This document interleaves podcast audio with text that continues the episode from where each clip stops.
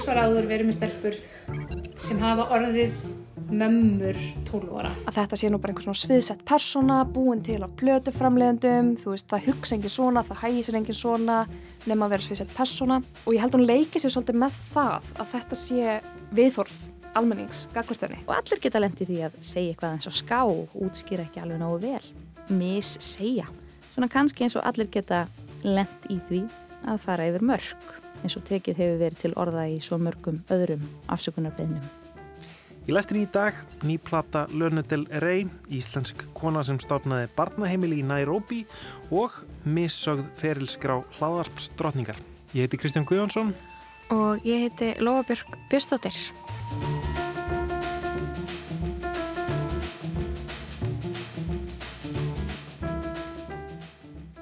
Já, við ætlum að sökka okkur honni í sagnaheim bandarísku tónlistakonunar Lönidel Rey. Já, nýjunda plata hennar eh, kom út núna rétt fyrir helgina og já, við fengum góða, góða konu til þess að sökka sér honni hérna.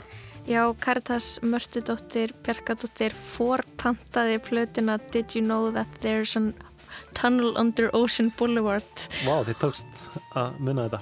Já.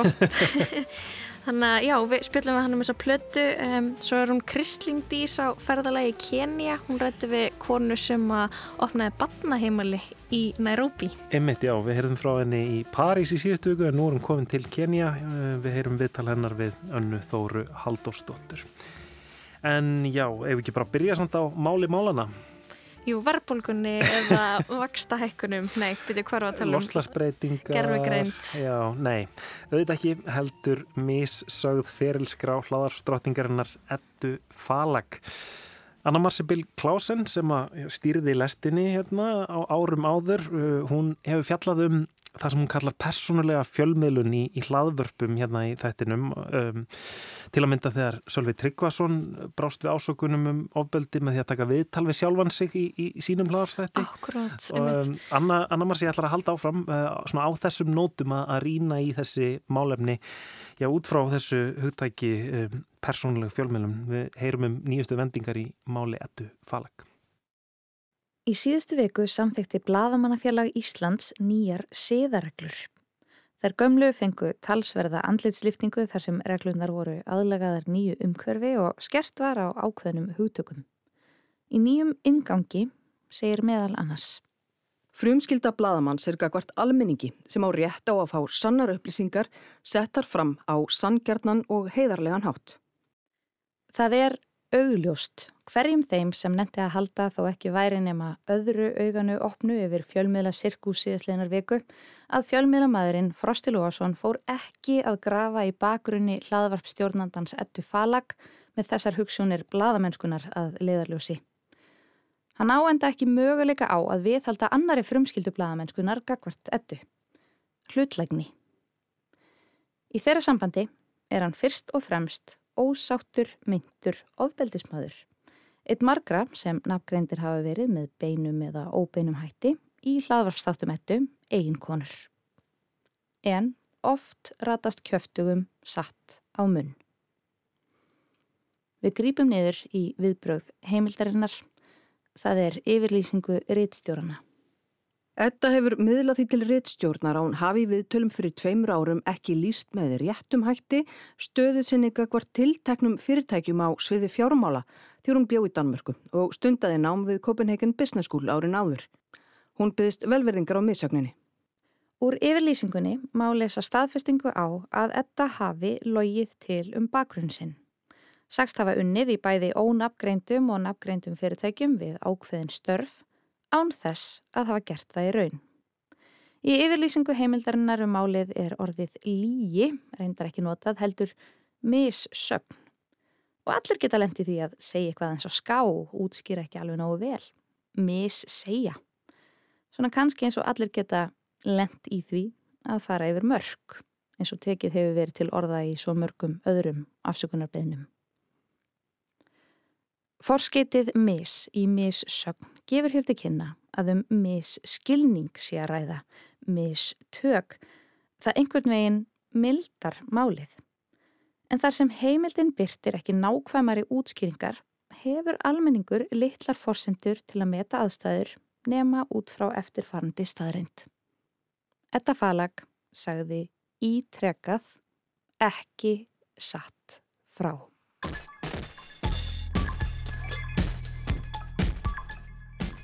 Í aðsendri grein á vísi skrifa þær Sólei Tómasdóttir og Hildur Lilendal Vikostóttir um hvernig feðraveldi spilar á feminiska aðferðafræði hverju sinni.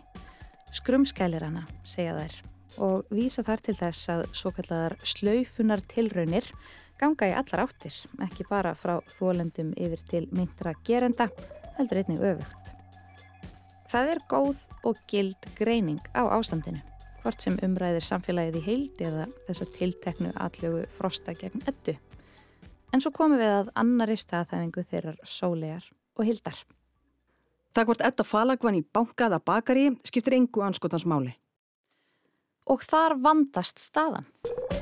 Eins og stöðningsmenn ettu hafa benta á undir millumerkinu afsakið síðustu daga hefur fullt af fólki bólstrað ferilskrána frammi fyrir til dæmis nýjum atvinnuveitendum eða jáfnvel þintana frammi fyrir nýjum mökum en það er ekki bólstrunin sjálf sem skiptir máli í þessu samhengi.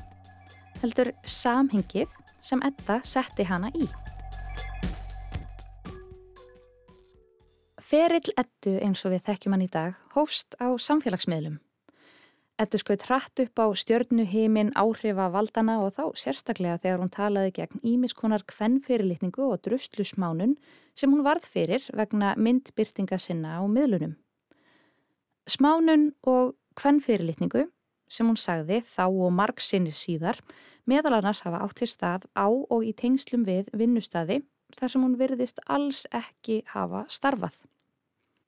Ef staðsetningin er uppdiktuð er smánuninn það þá kannski líka? Allar konur, hvort sem þær verða þess varar eða ekki, verða fyrir einhvers konar kvennfyrirlitningu á lífsleðinni, sem hópur og sem einstaklingar. Etta hefur orðið fyrir svívirðilegri kvennfyrirlitningu og áreitni fyrir opnum tjöldum. Þessar árásir helgast af því að Etta hefur gefið fólki sem á um sárta binda orðið. Hjálpað tögum þólenda af ímsu tæjað hefði upp raust sína. Mögulega skipta þær hundruðum. Erfitt er að mæla áhrifin því einn saga í fjölmiðli getur hvart fjölda annara til að segja frá, varpa af sér viðjum skammarinnar. Og þátturinn hefur einnig leitt til almennrar vitundar vakningar. Mynd á mikilvægi þess að trúa þólendum. Af hverju ætti þá ein lítil bólstrun á ferilskrá að skipta máli? Hún gerir það ekki fyrir fólkið sem hatar ettu, það myndi hatana samt og ekki fyrir fólkið sem elskar ettu. Það elskar hana samt. Baráttan snýst um hvorugan þessara hópa. Baráttan snýst um meðal manneskjuna sem hefur ekki tíma til að fylgjast með frá öllum hliðum, ekki orgu til að mynda sér í grundaða skoðun. Þau sem mögulega draga álíktanir af fyrirsögnum og halda svo áfram að skrolla. Manneskjurnar í miðjunni mynda meiri hlutan. Stóra spurningin er efast meiri hlutin. Og ef meiri hlutin efast um ettu, efast hann þá ekki líka um viðmælundur hennar.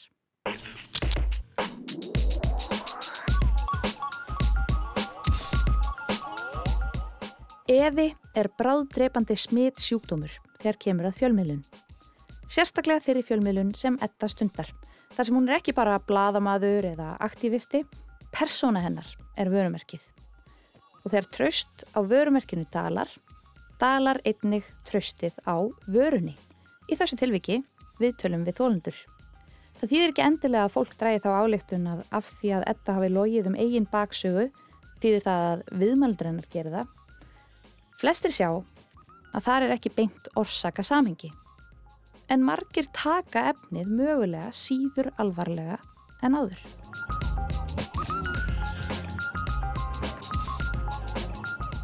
Þetta er áhætta sem Edda velur að taka, meðvitað eða ómeðvitað. Fjölmiðlar hafa vissulega átt þátt í að setja hana í forgrunn og þar kemur inn bæði kvennfyrirlitning og kynþáttahyggja. En staða hennar á persónulega enda fjölmiðlarófsins snýr líka því að hún tekur afstöðu. Tengir upplifanir viðmælanda sinna við eigin upplifanir og skoðanir.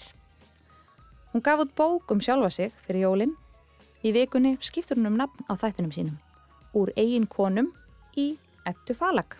bókstaflega. Persóna hennar er órjúvanlegur hluti miðlunarinnar. Hún er kjarnaþáttur í velgengni hlaðvarpsins en einnig það sem stopnar tröstinu og trúverðuleikanum í hættu.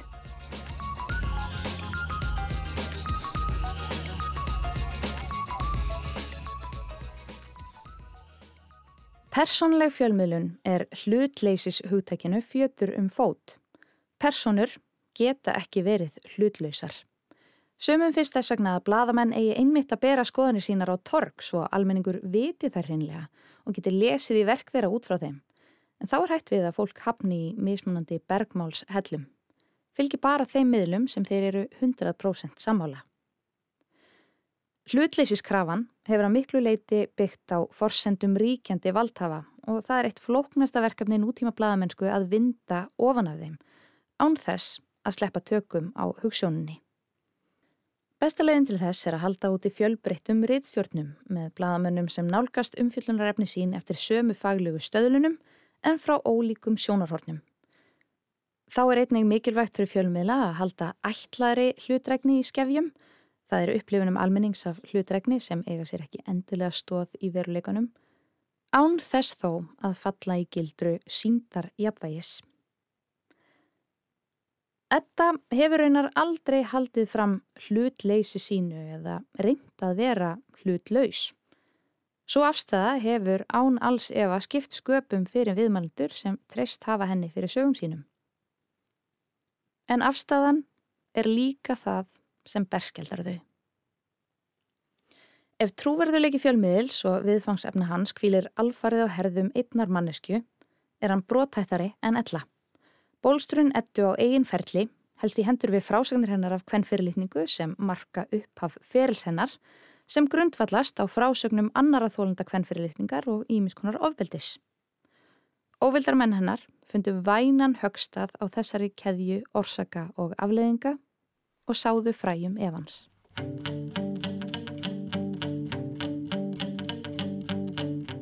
Á Facebook síðu sinni saði Hildur Lillendal að allaga frosta að ettu snúist ekki um að fá fram svör. Þetta snýst um að taka okkur niður, skrifar Hildur. Og kannski er umrætt okkur, ekki bara fólkið í framlínu baráttunar, heldur einnig þau sem barist er fyrir fólkið sem sagði frá, fólkið sem hugsa sig núna tvísvar um að segja frá, ein einasta kona sem upplýsti um meint ofbeldi landstækts fyrirverandi kærasta í hlaðvarstætti. Raunverulegur skótsbótn árása á konur eins og ettu falag er sjaldnast þær sjálfar.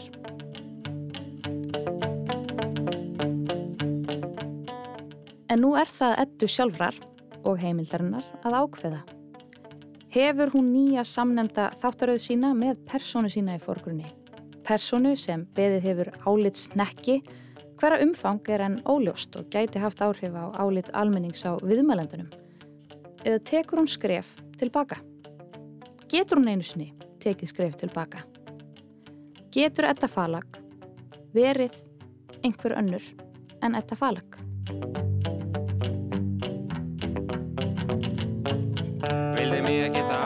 Vildi mig ekki síðar og þú vilt mig ekki enn. Þó ég spyr eftir þér og hverjum degi þá viltu aldrei vera menn Meira að segja þegar Það var Anna Marcibil Klásen sem að flutti pistilum meinta missögn hlaðarp stjórnandans og aktivistans Ettu Falag. Já, missögn, þetta er auðvitað svona tísku orð dagsins í dag, orð sem að kom fyrir í útskýringu frá núarendi vinnuveitenda Ettu heimildinni. En um, það hefur komið í ljósa Etta hefur logið eða, eða missagt eh, ítrekkað til um starfsreynslu sína í viðtölum og ofnbörum vettvangi. Þetta svona kæmi nú kannski ekki að sög ef um, hún hefur ekki líka lagt áherslu á að á þessum vinnustöðum hafa hún orðið fyrir smánun og hvern fyrirlitningu og sagt frá í þessum sömu viðtölum. Anna Marci talaði um hvernig hinn persónlega fjölmjölun ettu þar sem persóna hennar er vörumerkið, gerir óskataðan trúveruleika hennar en mikilvægari en um, sem okkar sé bæti við að efni viður hlaðvarpsins þessi viðtöl við þólendur um ímiskunar ábeldi byggist líka á því að hlustundur trúið í að það sem sé borðið á borð sé satt. Þannig að það er svona spurning eh, að hversu miklu leiti þessar svona missagnir rýra trúveruleika ettu hvort þær sáu Eva í, í huga hlustenda hlaðarpsinsennar og, og lesenda heimildarinnar þar sem hún starfar núna en Anna Marci sagði Evi er bráð drepandi smittsjúkdómur þegar kemur að fjölmiðlun mm -hmm. Hvernig, hver, hvernig upplifið þú þetta? Hérna, heldur, heldur að, heldur að mm. trúveruleikin býðin ekki? Já, um mitt, það er náttúrulega spurning sko, erum við ekki erum við ekki eiginlega búin að sjá viðbröðin við þessu nú þegar þetta, þetta er svona að, það, er, það er alveg komin hvað rúmlega tíu dagar síðan að Frostilóðsson byrti eitthvað fyrst um mm -hmm. þetta um, svo svona einhvern veginn skrifa hann grein þar sem hann krefur heimildina um einhver viðbröð og, og svo koma viðbröðin frá heimildinni og og svo fer einhvern veginn fólk fyrst einhvern veginn al, af alvör að ræði þetta mm -hmm. og þarna Sóli Tómasdóttir og Hildur Liljendal skrifa pistil svona til stuðnings við ettu falag svo verður til hashtag eða svona millumerk á Twitter hashtag afsakið. Já, þannig að um, það, það er fólk svona í rauninni að uh, viðkenna einhverjar miskjörðir um, svona til stuðningsettu og eitthvað nátt Algjörlega um, og þá kannski að gera lítið úr úr þessum svona uh, þess, þessum missögnum.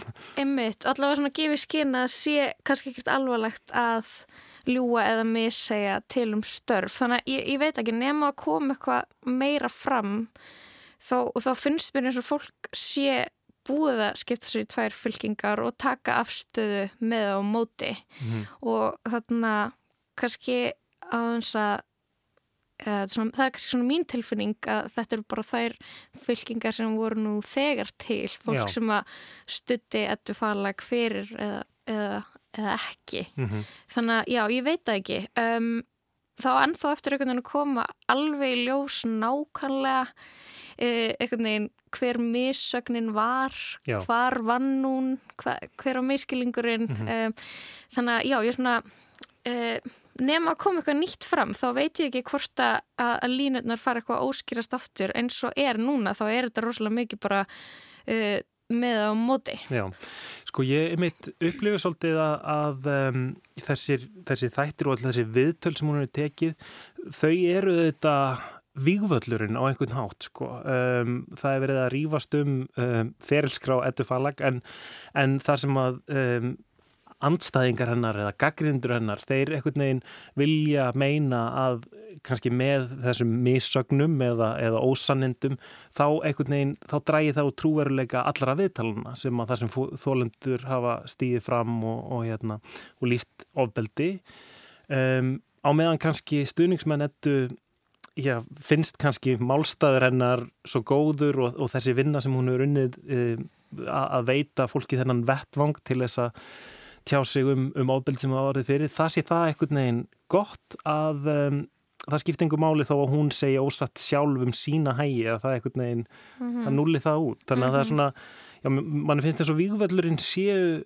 þættirnir og viðtölinn á einhvern nátt. Já, mitt, að, það er eins og að sé eitthvað svona mjög mikið, mikilvægt augnablík í gangi núna þar sem að ef að þetta falag missir trúveruleika sinn þá missa allir viðmælendur hennar trúveruleika sinn líka og mm -hmm. það mhm. þarf að einhvern veginn passa að það gerist ekki. Einmitt. En Mér langar einhvern veginn aðeins aftur að tala um greinina eða pistilin sem að Sólei Tómasdóttir og Hildur Liljendal skrifa svona til stuðnings við ettu. Það er svona að tala um sko að hún hefði verið svona einhvern veginn í farabróti fyrir feministka baróttu á Íslandi undanfærin ár að eh, já, kannski svo, það er svo óhefulegt í þessu öllu að ein manneska verði andlit feministkrar baróttu og núna þarf að passa ótrúlega vel að eh, að einhvern veginn ímynd hennar skattist ekki og hún sé þarf að vera einhvern veginn þessi heila manneskja sem að gera ekkert ránt og mm -hmm. þá kemur upp þessi óþægilega staða að ef hún gerir eitthvað ránt þá þarf að uh, finna réttlætingu á því. Já þannig að sko femi, fe, feminíska barátan eða ákveðin pólitísk baráta einhvern veginn fer að standa og falla með hreinleika einnar manneski mm -hmm. og þú veist, ég menna rauðsokkur á Íslandi þarna þegar, þegar rauðsokkur hefingi verið til þá var alltaf það var mjög svona skýr humdafræði sem lág baki því bara að það er það að vera flatur struktúr það var alltaf að koma í veg fyrir eitthvað svona. Er það ekki ein kona sem væri efst og væri þá bæði einhvern veginn að ráða öllu og taka loka ákvarðanir í öllu uh, en líka bara ef að, uh, ef að hún myndi lenda í einhverju uh, gera eitthvað ránt klúðra að þá myndi allir standa og falla með henni Mhm. en það sem er einhvern veginn búið í gangi á Íslandi undan fyrir ár er að það er alltaf svona ein kona Já. í einu sem er aðal feministinn Sólei Tómasdóttir eða Hildur Liljendal Þorti Selva og Já. svo Edda Falag Mhm. og sem, sem að lenda líka þá í einhvern veginn svolítið ítrekkuðum árásum og, og reynda graf undan þeim með þetta Mm Einmitt, ég held að þetta sé örugglega ekki þægilega auðveld staða til að vera í ein, eins mikið að þær þarna hafa slegið gegn hjá sumum og, og gert mjög mikið fyrir feminska barðu þá hafa líka orðið fyrir barðina og ótrúlega miklu áreiti mm -hmm. en að samaskapi verða eitthvað neginn manneskjöldnar sem að uh, feministar verða að flikja, sér á bakvið ef þau ætla að fá að kalla sig feminista. Það er svona eitthvað neginn tilfinningi mín á netinu núna, svona við lestur á aðtöðasamdum og, og týstum að þú stendur með þetta falag eða þú stendur með færðarvöldinu. Já, það verður aðtiklisvægt að sjá hvort að þetta mál einhvern veginn haldi áfram í umræðinni eða hvort að þetta sé bara búið hérna þessi svona hálfbakaða afsökunarbeðinni frá heimildinni og, og ettu falagsir nóg eða, eða hvað, sjáum til. Já, að hvort við förum að ræða þetta einhvern veginn ekki í skotgröfum.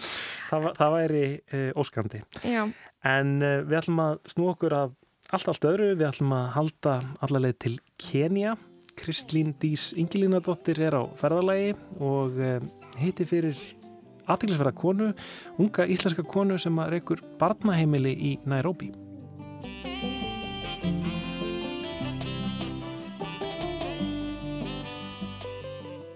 Ég er stödd í Nairobi, höfuborg Kenya. Þar sem ég dvel nú í veruleika fyrsta heimi kvítafólksins.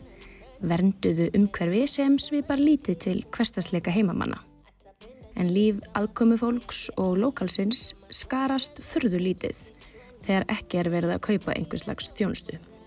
Ég var búin að vera hérna í nokkra daga að velta fyrir mér hvort allt kvítt fólk hérna væri í þessum einangraða heimi þegar fann ég vinkonu mín og gestgjafi sagði mér að það væri allavega ein manneskja sem væri algjörlega undanskilin þessari kvítu veröld.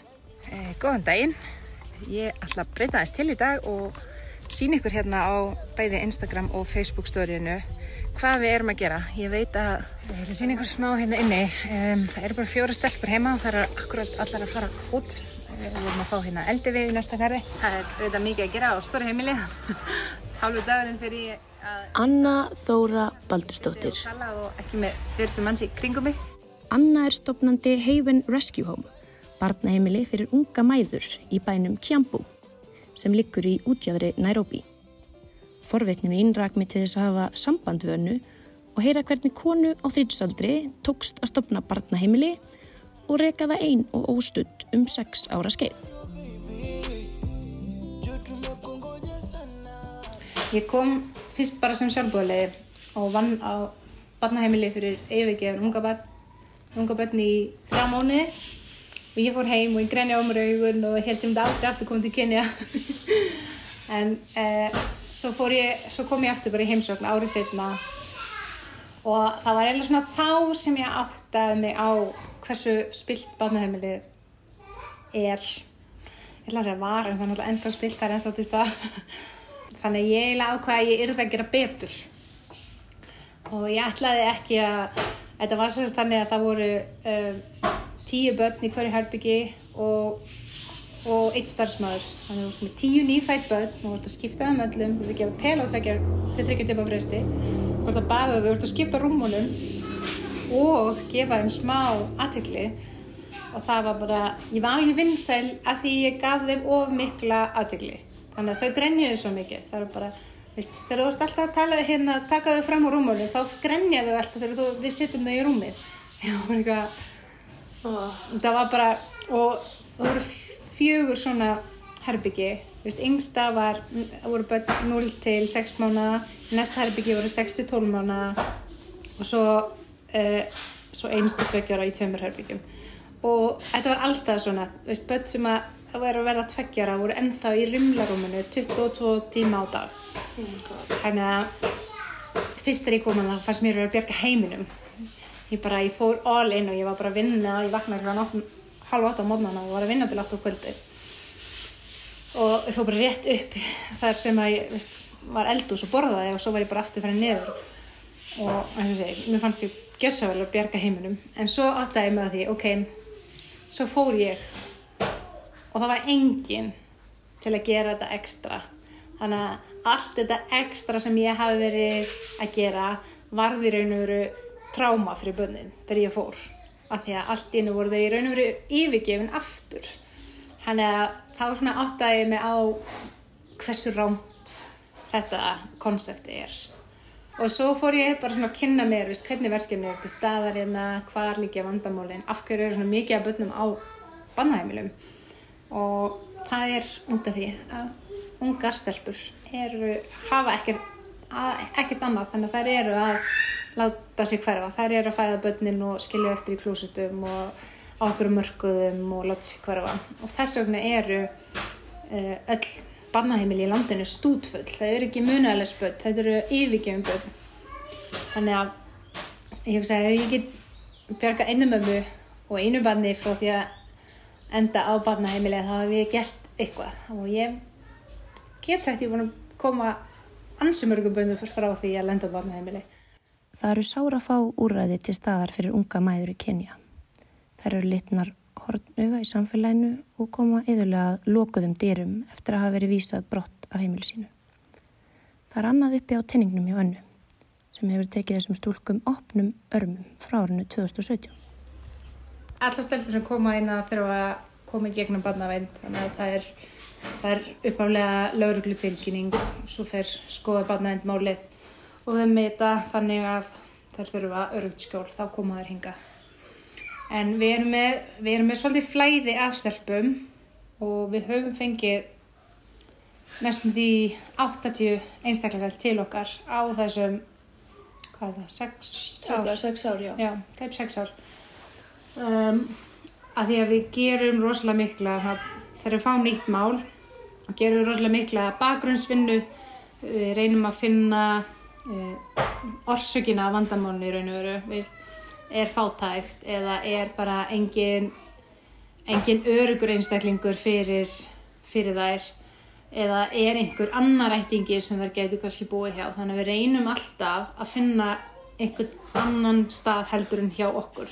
Að því að það er búið að breyta lögunum í landinu. Það eiga ekki allast upp á barnaheimilum. Það er að koma svo mikið núna upp fullari fólk sem er ólst upp á barnaheimilum sem er einmitt að segja sögu sína hvernig það var að allast upp. Og fá ekki bara við raun og veru, jú veist það er þakki fyrir höfuð og fara að borða og það er rúm en það er ekki þetta ekstra, það er ekki veist, ást og umhyggja og það er ekki Vist, nei, það vantar alltaf það upp á. Þannig að og við erum vissulega aðeins öðru sér okkur að því að hér eru mömmurnar sem veita börnarnu sínum þessa ást og umhyggju en við reynum alltaf ef það er hægt að það búa hjá ættingum ef það þarf að þá styrkju við annarkvært þær eða batnið til náms. Þannig að þannig að er svolítið flæði hjá okkur. Tumekongoja sana. Toto nakombea daily Auk önnu starfa átta starfsmenn á heimilinu og í starfsóknum eru meðal annars félagsráðgjafi, kennari og sálfræðingur.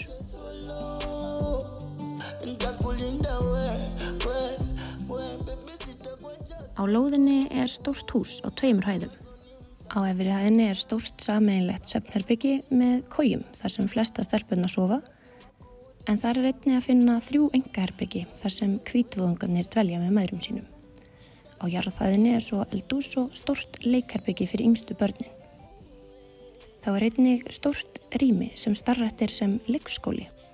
Hann var upprunlega ætlaður fyrir börnin á heimilinu en það sem að öll börnin sem eru þar núna eru ofung ákvað annað opnan fyrir leikskólabörnum í hverfinu og koma nú átján börn daglega þangað til að hljóta kennslu og fæði.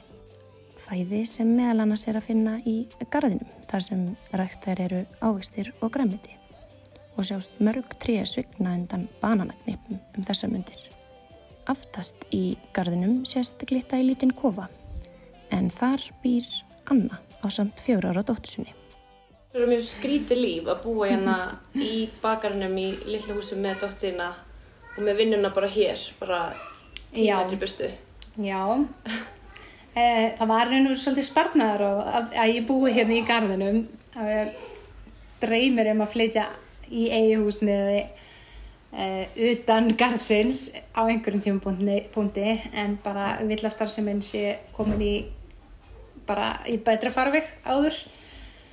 En jú, þetta er, ég var um þetta að hugsa um dagina, stundum finnst mér eh, eins og ég sé bara hérna mjög margra barnamóðir en stundum er ég líka bara að er ég að vinna ógeðslega mikla vinnu fyrir enga peninga. Þannig ég er svona, ég flakka á milli fyrir eftir hvað, hvað skapi ég er eiginlega í og hvað hefur gengið á stundum er maður alltaf bara, sem að dagar alltaf bara ógeðslega mikið að gera. Eins og heyrist er aldrei döðstund hjá önnu og verkefnin í fjölbreytt og þau eru mörg. Akkurat núna eru, tólstelpur. Tólstelpur hjá okkur, átta heima og fjóri heimaðastaskóla og þrjára af þeim sem er í heimaðastaskóla, neður hérna, tvær þeirra voru með hefðu orðið fyrir óbeldi og þau mál eru bara búinn, þær eru búinar að vitna í málunum sínum. Um, við metum það að það er orðið örugt að fara heim tímabundið þannig að þær eru í heimaðastaskóla en þær hafa verið samt hjá okkur í allar verið hjá okkur 2-3 ár þannig að þetta er uh, þannig sé skamtíma program mm -hmm. því að flestar eru bara hjá okkur 2-3 ár Það kemur þó fyrir að stelpunar þurfa að vera lengur líkt og verður líklega raunin hjá nýjasta heimilismennlumi sem er 11 ára stúlka komin 6 mánuði á leið. Fengur sér símtal uh, um helgina hvort það væri pláss hjá okkur. Hún er sérstaklega ekki úr okkar uh, síslu þannig að það þarf að fá sérstaklega leifi til að flytja hana hingað en það er ekki heimili fyrir unga maður þar. Engin heimili sem taka við óléttum börnum. Þannig að, uh, og það var sérstaklega samþygt, þannig að það er verið að vinna í því að flytja hana til okkar núna neyrsrætt hjá ömmu sinni en það er ekki vitað uh, hver nöðgæðinni þannig að hún er ekki örug hún þarf að komast í örugar aðstæður og raun og verð það er að fyrsta hún verður kom, komið hann að hinga og þá vinnum við smátt og smátt málið við erum líklegt að þetta verði langtíma mál hjá okkur Er hún hérna yngsti skjólstæðingur sem þau hafa fengið? Er það yngsta móður sem þau tekið inn? Um, Já, eiginlega. Við höfum aldrei fengið stelpur sem komur svona langt að leið 11 ára. Við höfum uh, þrísvar áður verið með stelpur sem hafa orðið mömmur 12 ára eða svona 12 að verða 13. Nei, fjóra ára, einður er ennþá því. Heimilið á aðeins að hýsa stúlkur undir 18 ára. En hvað gerist þegar það verða 18 ára? Við erum, með, við erum alveg með fjórar stelpur sem eru núna að verða eða orðnar átján sem að ég áheila bara samkvæmt kerfinu að losa mig við. En þær eru á öðru og þriðju ári í mentaskóla mm -hmm. og ef þær klára það og halda áfram að þá eiga það svo miklu, miklu meiri möguleika heldur en eða hætta núna. Þú veist, átjánar stelpa í öðrum bekki veist, með þryggjar og komast barna og hendur hann ekkit út það býður hennar ekkert barnavend vill bara að við setjum allar í hálfgríslunum af því að það tekur halvt ár og þá getum við bara losað eitthvað við þar eftir halvt ár.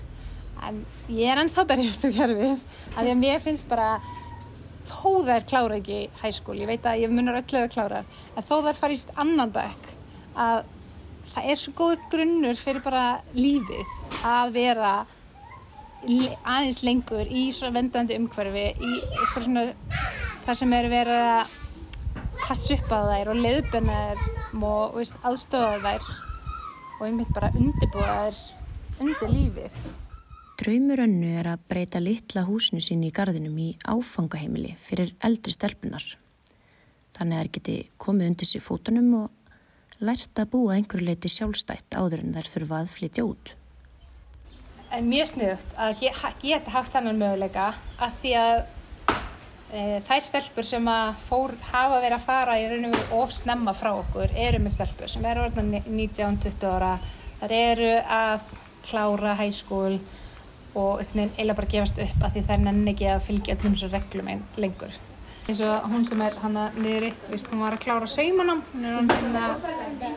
og var að læra fata hennu og víst, hún er að klára prófið sín núna í april og hún er orðin átjónara og hún er samt víst, að fylgja reglum eins og víst, 12 ára stelpur sem koma í það þannig að það er svolítið svona erfitt að komast til móts við hana. Og svo er eins og ég var að segja það er ein 19 ára með 5 ára gammal bad hún er líka komin svolítið svona veist, ég finn, hún er hún þreytt á svona ákveðin reglum og eitthvað veist, þetta er náttúrulega bara, veist, það er að verða fullorna, þannig sé ég, veist, verðum að hafa eitt yfir alla, þannig við getum ekki til dæmis ekki left síma í þenni, af því að sumar eru strókuhættu.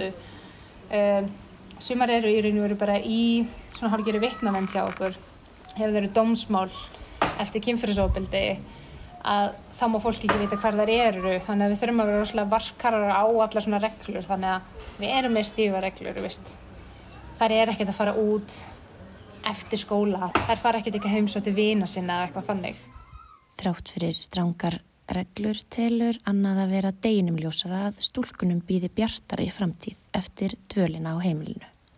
það sem við erum farin að sjá núna er til dæmis að, börn þessara stelpna þau eru ekki að veru þjást eins og þær hafa verið að veist, þær skapa börnunum sínu miklu vendara umhverfi og þær eru allar þeim þykir öllum ótrúlega vænt um börnin sín og þær hugsa rosalega vel um þau. Eitthvað sem að þær hafðu aldrei upplifað. En þessi hugsanaháttur að passa upp á börnin sín. Mér finnst það einhvern veginn svona það sem ég sé svona skína mest í gegn. Að ég veit að þessi börn er ekki að fara að vera ungi fóreldrar það er eitthvað mikið að gerast veist, það getur alveg gerst. En það er, það er, það er miklu svona þau eru alast upp við miklu öðrugara og vendara umhverfi og þessi börn eru í skóla En þú færð enga styrki frá ríkstjórnni. Hvernig ertu þá að reyka þetta? Hvað spurning? eh, lang flesti styrkin, styrkinir koma í gegnum eh, Snapchatið mitt, eða fylgjendur mínur á Snapchat. Ég hef veist, opnaði Snapchatið mitt fyrir 5-6 árum síðan held ég og fór bara að sína fólki svona, hvað ég er að gera hérna og hvernig líf mitt er hérna og hvað við erum bara, já. Það byrjaði raun og veru bara þegar ég var að reyna að opna heimilið og já, það eru eiginlega bara fólki sem heldur okkur gangandi. Við fáum einstaka svona stærri styrki en allir styrkir koma frá Íslandi. Þetta er alfæri reiki að styrkjum frá Íslandi. Kristín Dís rætti við önnu Þóru Haldarsdóttur, snabtjátið hennar er Anna Þóra og Instagram styrtarfélag HRH. Svona fyrir þá sem eru forröðnir og vilja sjá meira. En næst ætlum við að snú okkur að nýjútkominni tónlist. Lana Del Rey sendi frá sér nýja plötu á dögunum. Það er komin 12 ár síðan að fyrsta lægi hennar kom út, lægið Video Games og síðan þá hafa komið út nýju plötur. En þegar við tölum um tónlistin hennar lönu þá er hún óaðskiljanleg frá ímyndinni. Hún er ljóðskáld, hún syngur út frá sjónarhortni, lólítunar, hjákonunar, hún er þunglind, aldamóta kona en kannski fyrst og fremst íbúi Los Angeles. Mosaic ceilings, painted tiles on the wall. Á förstu daginn síðastleginn kom út nýjunda plata tónlistakonunar bandarísku Lundell Ray sem ber þann langa og óþjála titil Did you know that there is a tunnel under Ocean Boulevard? Vissir þú að það eru göng undir Ocean breyðgötuna? Sem er vist gata við ströndina í Los Angeles. Hún heldur áfram að vinna með LA þeimun sín. Karitas Mörtu Bjarkadóttir er mikil aðdóðandi lönu, komininga í lestina. Þú ert vantala búin að eða helginni að hlusta. Já, ég, hérna, ég pantaði plötuna e, í forpendun hjá Alda Músík og fekk hana þá degi fyrr en hún kom út á Spotify. Þannig að ég eitti 50. kvöldinu í að, hérna, var með margar hauskulda viðvaranir á Instagram storíunni fyrir vinkunum mínum. Ummitt og í hvernig skapi er Lana á þessari plötu, hvað er hún að syngja um? Hún er rosalega lönuleg. Um, það er bara, þetta er bara allt það klassíska. Það er hinkonan, það eru forbónar ástir, uh, fjölskyldan, hún er svona fann að spila meira og meira hlutverk í tónlistir hennar sem að var ekki á fyrsta árunum. Um, hún svona gaf mest í skinn einhver svona mommy og daddy issues kannski örlítið en svona núna fann hún að syngja um persónulega hægi fjölskyldunar, nefna þau sínur réttu nefnum. Og eitthvað um badnignir. Badnignir, já, sýstarinnar eignast badn fyrir tveimur að þreimur árum, minni mig, litla Mhm. sýstarinnar sem að var náttúrulega, hún gerði heilt lagum á síðustu plötu, Sweet Carolina, svona falleg, falleg vögguvísa. Frábært lag. Mjög gott lag. One, two, ready. I'm gonna take Fyrsta lagið, það er einmitt að því við vorum að tala um fjölskylduna, það heitir The Grants sem að er, er ættanafn lönu, hún heitir Elizabeth Grant, uh, skýrnafni og þetta byrjar á svona mjög hrári upptöku af bakgrátasöngurunum uh, sem að ég komst að eftir maður grúska voru þess að þetta voru bakgrátasöngurunar uh, Whitney Houston. I'm gonna take mind of you with me. I'm gonna take mind of you with me. Like Rocky Mountain High. The way Er eitthvað svona gospel tónn hann? Já, og þetta er vist einhver svona, maður heyrir að eitt söngan er að þetta er svona mjög hrátt, mjög falleg opnun og svona þannig er fjölskyldan í mjög miklum fórgrunni og hún er rosa mikið að tala um dauðan og það, þetta er alveg þrjúlega sér plötu þar sem hún talar um dauða í fjölskyldunni og hvernig hún er að díla við það og, og vísar þarna í uh, lag uh, John Denver, Rocky Mountain High þar sem hann talar um svona að það eina sem við tökum með okkur í dauðan er, eru minningar. Og hún er svona að tala um ég ætla að taka með minningun af mitt sérstu dóttir minni og þannig að þetta er svona lögnlegt að því leiti, hún hefur alltaf svolítið talað um dauðan og, og línunar hérna, ég man ekki hvort þetta eru fyrstu línunar, það er vísa svolítið í hérna annað lag eftir hann sem heitir Yes to Heaven sem er ótgifur lag en hefur lifað mjög góð líf á Tumblr. Okay. og voru allir mjög fljótir að fatta þessa tengingu strax. Is your memory, and I'm gonna take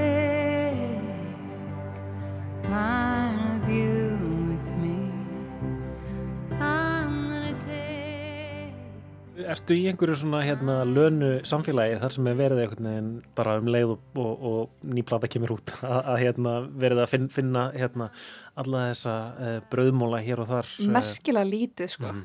ég var þar þegar ég var á Tumblr á sínum tíma og þegar hún var svona kannski mesta, mesta íkonið mesta íkon tímbilinu hennar þegar Tumblr var svona stæst, þá jú, ég var í mjög stóru samfélagi um, ég fylgi einum aðgangi, svona aðdánd aðgangi á Instagram sem að ég byrjaði að fylgja aðalega bara því að hérna, hún er með læst Instagram og einhver tíma hef ég unfollowed hana og mér tókst ekki að follow hana aftur að því hún er með læst Instagram. Lana. uh, Lana. Mhm. uh, og ég fylgi sérst aðgangi núna sem að segja mér þegar hann opnast aðgangurinn. Okay. um, og ég náði fylginni daginn aðan og platan kom út þá opnaði hann. En, en það er svona það eina sko. Hún er mér náttúrulega svona rosa svona döðlúðlega ímynd og ég get alveg ímynda mér að þetta sé hlut af því að því að hún, þetta er ekki, nú er loksins komin henni inn og þetta er ekki svona típiskur svona stjörnaðgangur þar sem hún er svona mest að posta einhverjum svona paparazsamyndum eða einhverjum svona glambóttmyndum eða eitthvað, þetta er bara mjög svona rár, mjög lönulegur aðgangur. Mhm. og í kjölfarið að, að hérna, útgáð þessar plötu þá bygguðu til fjölskyldu aðgang á TikTok fjölskyldan hennar Nú? Þeir eru með sameilan fjölskyldu aðgang á TikTok hún og bróðun og Charlie sérstaklega hún Ok. postaði myndband um daginn þar sem hún var í sko svona mörgi fyrir plötuna sína Mm. sem hún gaf ekki út heldur bara svona mörg sem einhver var að gera Etsy þar sem að nafna hennar var skrifa vittlust þetta er bara hvað Þetta er auðvitað svona al, algjörlega í stíl við hana sko, hún, veginn, hún er stöðut að reyna einhvern veginn að skapa uh, einhverja svona uh, einmitt einhver svona íkoníska mynd af Mhm. sjálfri sér en, en hefur greinilega líka einhvern veginn svona mikinn húmor fyrir því sko. Hún gerir það og maður sér það líka á lögunum á þessari plötu, bara ef við fyrum aftur í hana. Þú veist, næsta lag sem er titilagið Did you know that there is a tunnel under Ocean Boulevard þá er hún rosa mikið að líka sjálfur sér við þessi göng sem hún er að tala um og hún svona sviðsetur sig rosa mikið og talar líka mikið um svona þessa ímynd sem að hefur alltaf verið af henni. Og 11. lagið sem að sko ég þurfti að skrifa niður hérna uh, skamstununa en þetta er eitthvað svona Grandpa please stand on the shoulders of my father while he deep sea fishes. Þetta er bara lengst í titillagi sem ég hef heyrt.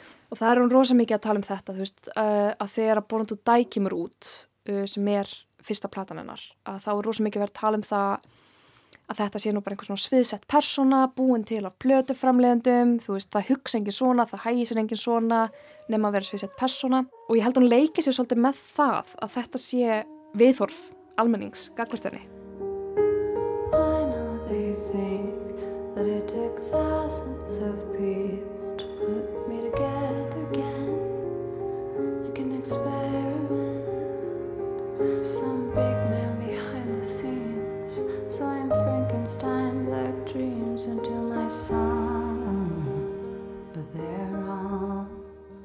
Judah Smith interlude þetta er svona einhver Beverly Hills prestur Já, eh, lag af lagskjaldi kalla sko. já, valla lag en á þessari plötu þetta er svona prestur fræga fólksins í Beverly Hills Justin Bieber fer í messur hjá honum Kardashian fjölskyldan. já, Lana sjálf og þetta er bara heil predikun um losta þú veist, er með að mis, mismuna eða er þetta eitthvað svona í fyrsta skipti þar sem að Lana er kannski eitthvað svona smá kirkjuleg, trúarleg í, á plötunum sínum Sko hún hefur alltaf talað um Guð.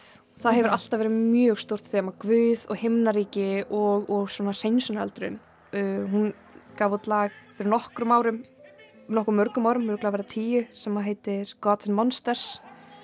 þar sem hún talar mikið um Guð og, og hérna, Bel Air, það er um þetta að fara í himnaríki en, en það hefur alltaf verið í þessum svona, svona fem fatal stíl, þú veist, það er alltaf þetta, ef ég held áfram að hafa mig svona, hvað verður þá um mig, en minna í þessum svona biblíuskilningi eins og er það að setja heila predikun á plötuna, þetta er fjagra hálsmynda predikun.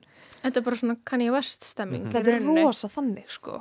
Mér leið smá sem ég var að horfa á heimildamindum Veiko eða eitthvað. Mhm. Bara einhver svona smá kaltfílingur, að ég veit það ekki, ég er ekki mjög kyrkirækin. Og svo heyrist undir svona eitthvað, yeah, mhm, Mhm. mhm, yeah.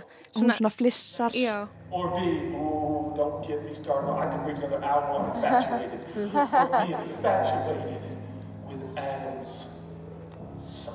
Eitt af því sem að mér finnst kannski svona enkenna nálgun og textasmíðar Löndelrei er svona um, það að sökva sér í svona siðferðilega margaræðinni. Uh, ég meina hún, hún syngur uh, ultraviolence sem að einhvern veginn uh, einhverjir myndu vilja meina að, að hampi hérna uh, ofbeldi í nánum samböndum þar sem hún er eh, hreinlega þú veist, einhvern veginn að byggja um að verða fyrir ofbeldi uh, af, frá ástvinni sínum veist, og hún er ofta á þessum svona ótrúlega myrku stöðum og myr, í myrkustu einhvern veginn kemum sálarinnar þar sem að einhvern veginn kannski um, mismunandi margaræðar langanir, langanir sem kannski við viljum ekki kannast við Mhm. um, er, er, er hún ennþá, er hún þarna textanum á þessari blödu? Já, mér finnst það og, og ég man, ég hugsaði svolítið þegar hérna Norman fucking Rockwell og, og Blue Bannister kom og mér fannst hún svona vera farin aðeins fjær þessu aftur, eða farin í einhver svona önnur, önnur mótíf ekki að öllu leiti, en hún er svolítið aftur að hella sér í þetta og það er, það er svona, mér líður svona pínir svo þetta sé 2014 launuplata nema það eru þetta 10 árum eldri kona að skrifa þetta. Mhm. þú veist, þannig að textanir eru mun þroskaðari og, og tónlistin sem er leiðis um, en bara eins og tökum A&W A&W uh, sem þið fjöldluðum í læstunum um daginn að hérna, það er náttúrulega textin þar er bara gamla lana, þetta er bara eiturlif og það að vera hinn konan í sambandinu. En einmitt svo í bland við einhver svona lög þar sem hún talar um það þegar hún misti frænda sinn þegar hún var að spila í Mónaco eða Morocco eða eitthvað. Sko, ég bara hjó eftir því í titilæginu að það er hérna í, í viðlæginu þá er textin sko hérna, When it's gonna be my turn, open me up tell me you like it, fuck me to death love me until I love myself. Þetta er einhvern veginn svona já, ég veit ekki alveg hérna hvar við erum stöðan Nei, einmitt og mér finnst líka svo sem ekki þessar plöti það er þessi lungun eftir að gleymast ekki og týnast ekki sem er rosalega sterk sérstaklega þessu lagi af því að viðlega er bara Don't Forget Me og hún vísar berum orðum í lagið Don't Forget Me með Harry Nilsson When's it gonna be my turn? open me up, tell me you like it. Love me to death, love me until Pitchfork dómurinn, hann kom bara nokkrum tímum eftir að platan var byrt og hún fekk 8,3 hjá þeim sem er næst besta einhvern hann að hinga til. Um, og ég var mjög sammála mörgu sem að hún var að segja þar, ég mannir ekki í fljótu bræði hver skrifaði uh, dóminn. En það er sko þetta hvað hún er oft líka að, að vísa í Norman fucking Rockwell á þessari plötu. Það er stef í A&V það er hérna strengir Já, þú samplar hún eitthvað. hún samplar Norman fucking Rockwell í A&V Þannig að hún er farin að í rauninni vísa í sjálf, sjálfa sig, hún er farin að skapa sinn eigin svona eh, Heim, í rauninni. þar sem hún, hún vísar í eldri lög, eh, notar stef úr þeim.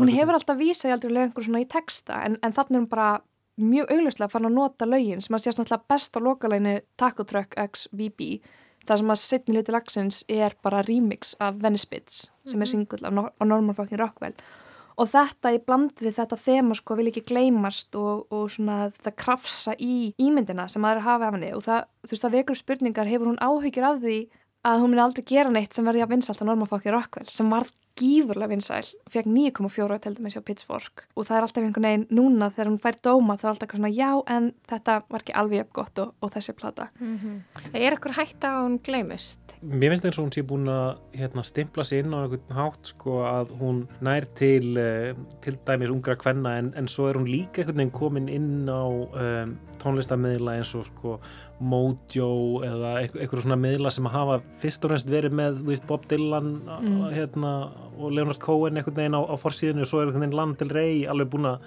stimpla sig inn einhvern veginn í þeim kreðsum líka sko. og hún gerir svo mikið í því að, að stempla sig inn þú veist hún til dæmis að þú talar um Leonard Cohen í lænu Kintsugi, nummer 8 þá samplar hún Anthem með Leonard Cohen og hún, hún hefur alltaf gert þetta hún vísar í Beach Boys, hún vísar í Cohen hún coveraði mitt hérna Chelsea Hotel number 2 fyrir nokkrum árum og það er held ég það sem hún vill. En það er bara þessi spurning sem ég held að sitja alltaf í henni að það er þessi ímynd, þessi ytri ímynd sem hefur alltaf einhvern veginn orðið henni pínu að falli. Mér, mér er svolítið aðtilsvægt það sem þú ert að segja um að hún sé einhvern veginn svona mikið að fjalla um einhvern veginn fjölskylduna og, og, og eitthvað batneignir og svona.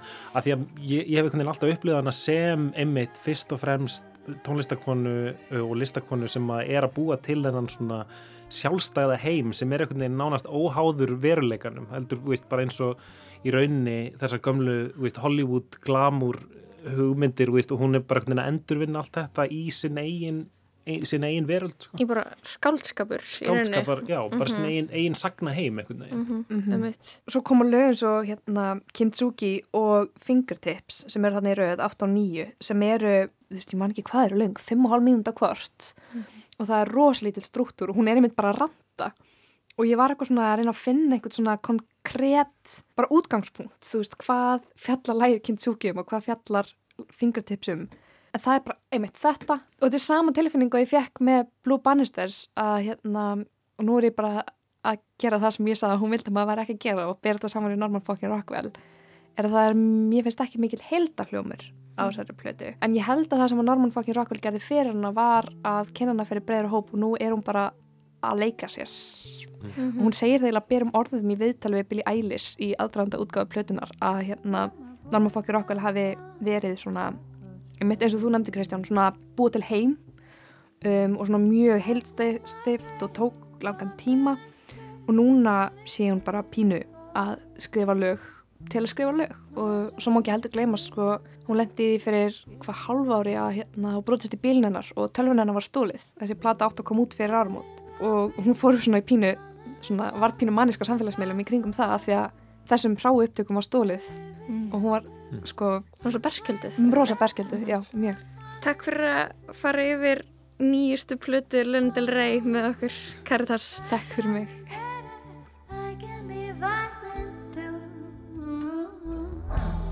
That's why they call me Lanita. When I get down, I'm bonita. Don't come find me in Resita. I'll go crazy. Read my gold chain says Lanita. When I'm violent, it's Carlito's way. Blood on my feet on the street, I'm dancing crazy. Lægið Taco Truck XVB þetta er lokalag nýrarplötu Lönni del Rey spjöldum við Caritas Mörtudóttir Bjarkadóttir hún er rittstjóri krakkafrétta og svona pop tónlistar grúskari mikill aðdóðandi Lönnu Já, lestin er komin að leðalokum í dag. Við Kristján og Lóa þakkum fyrir samfélgina tæknum aður var Lítiða Gretastóttir Sjáumst á morgun, verið sæl